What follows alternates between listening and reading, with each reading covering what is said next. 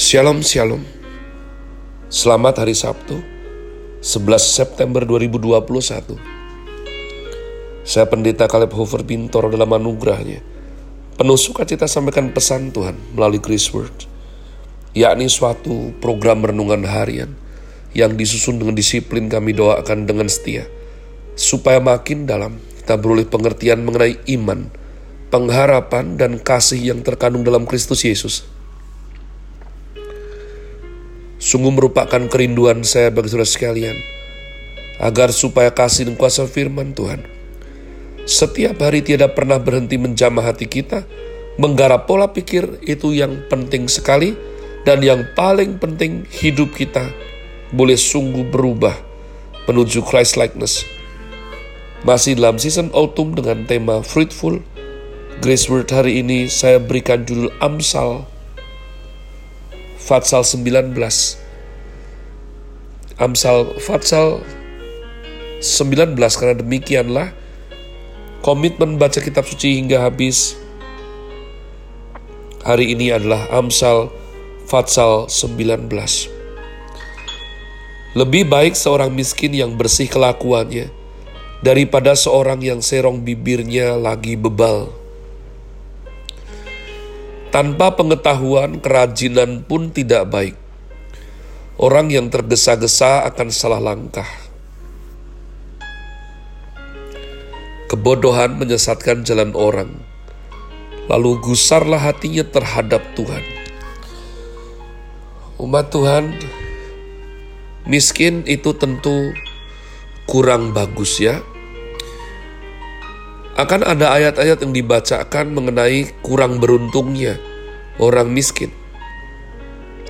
Namun, sekurang beruntungnya, sesulitnya jadi orang miskin, Amsal tetap mengatakan, lebih baik seorang miskin yang bersih kelakuannya daripada seorang yang serong bibirnya lagi bebal.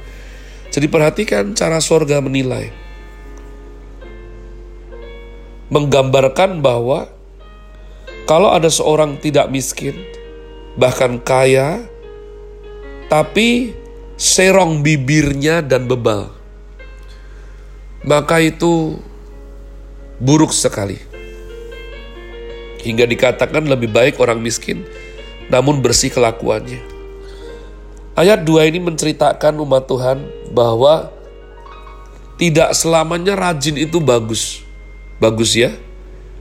Malas itu buruk. Rajin itu harusnya bagus. Tapi tanpa pengetahuan, kerajinan pun tidak baik. Ya betul sekali. Tanpa mengerti terlebih dahulu apa yang kita kerjakan, ini orang Jawa punya nama grusa-grusuh ya. Mau rajin makin keliru, makin rajin makin hancur umat Tuhan. Karena nggak ada knowledge, nggak ada pengetahuan mengenai apa yang dikerjakan. Orang yang tergesa-gesa akan salah langkah. Nah inilah menimbulkan suatu jalur logika yang positif, yang baik, yang penting, yang perlu untuk kita semua belajar mengenai pekerjaan. Otak tahu, pengetahuan ada, tapi malas percuma. Rajin, semangat, tapi tanpa pengetahuan tidak baik. Ya, pasti akan belajar dengan sangat pahit. Maka keduanya harus kita punyai. Kita punya knowledge yang cukup, pemahaman mengenai apa yang kita bangun, kita kerjakan, dan juga kerajinan. Ayat 3 ini adalah saya sering ketika melayani konseling, ini banyak terjadi kebodohan menyesatkan jalan orang, lalu gusarlah hatinya terhadap Tuhan. Ya, kenapa kok sesat? Karena bodoh. Tapi nanti bodoh-bodoh sendiri, sesat-sesat sendiri, marahnya sama Tuhan. Saya berdoa supaya kita sudah lepas dari ya belenggu macam seperti ini kita bodoh sendiri, salah pilih sendiri, lalu kita bilang Tuhan, kamu jahat. Kenapa Tuhan tidak larang saya? Kenapa Tuhan tidak bertindak kasih tanda yang lebih jelas? Nah macam seperti itu. Kekayaan menambah banyak sahabat, tetapi orang miskin ditinggalkan sahabatnya. Saksi dusta tidak akan luput dari hukuman. Orang yang menyembur-nyemburkan kebohongan tidak akan terhindar. Banyak orang yang mengambil hati orang dermawan. Setiap orang bersahabat dengan si pemberi. Orang miskin dibenci oleh semua saudaranya, apalagi sahabat-sahabatnya. Mereka menjauhi dia. Ia mengejar mereka, memanggil mereka tetapi mereka tidak ada lagi. Umat Tuhan, saya yakin orang benar, anak cucu orang benar tidak akan meminta-minta. Tuhan akan pelihara. Jadi kalau sampai miskin, ini berarti sudah malas, tidak mau belajar, ya, dan jauh dari Tuhan. Kok bisa? Ya, saya meyakini orang goblok, bodoh, malas sekalipun, kalau dekat sama Tuhan, punya relasi pribadi sama Tuhan, Roh Kudus itu akan garap isi otaknya, garap jiwa dan hatinya. Maka nggak mungkin nggak berubah. Tiba-tiba dia mau belajar, ya, lalu dia akan membenahi diri tekun dan rajin, dan dia akan jadi pribadi yang menarik, dapat pekerjaan, dipercayai orang, dan berkat tercurah. Nggak jadi miskin. Jadi kalau sampai miskin, itu berarti keterlaluan sekali cara hidupnya. Ya. Nah umat Tuhan, saya sering kali saya ambil waktu sebentar bagian ini. Ada orang, saya sudah sayang Tuhan, kenapa miskin? Yang saya lihat tidak, tidaklah demikian. Sayang Tuhannya caranya dia sendiri. Ya, tapi cara hidup, cara tulusnya, cara kerjanya salah kaprah semua. Bagaimana bisa bilang sayang Tuhan?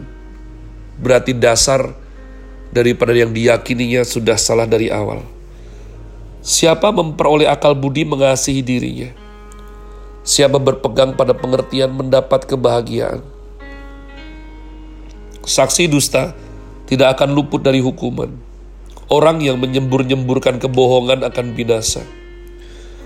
Kemewahan tidak layak bagi orang bebal, apalagi bagi seorang budak memerintah pembesar. Akal budi membuat seseorang panjang sabar, dan orang itu dipuji karena memaafkan pelanggaran.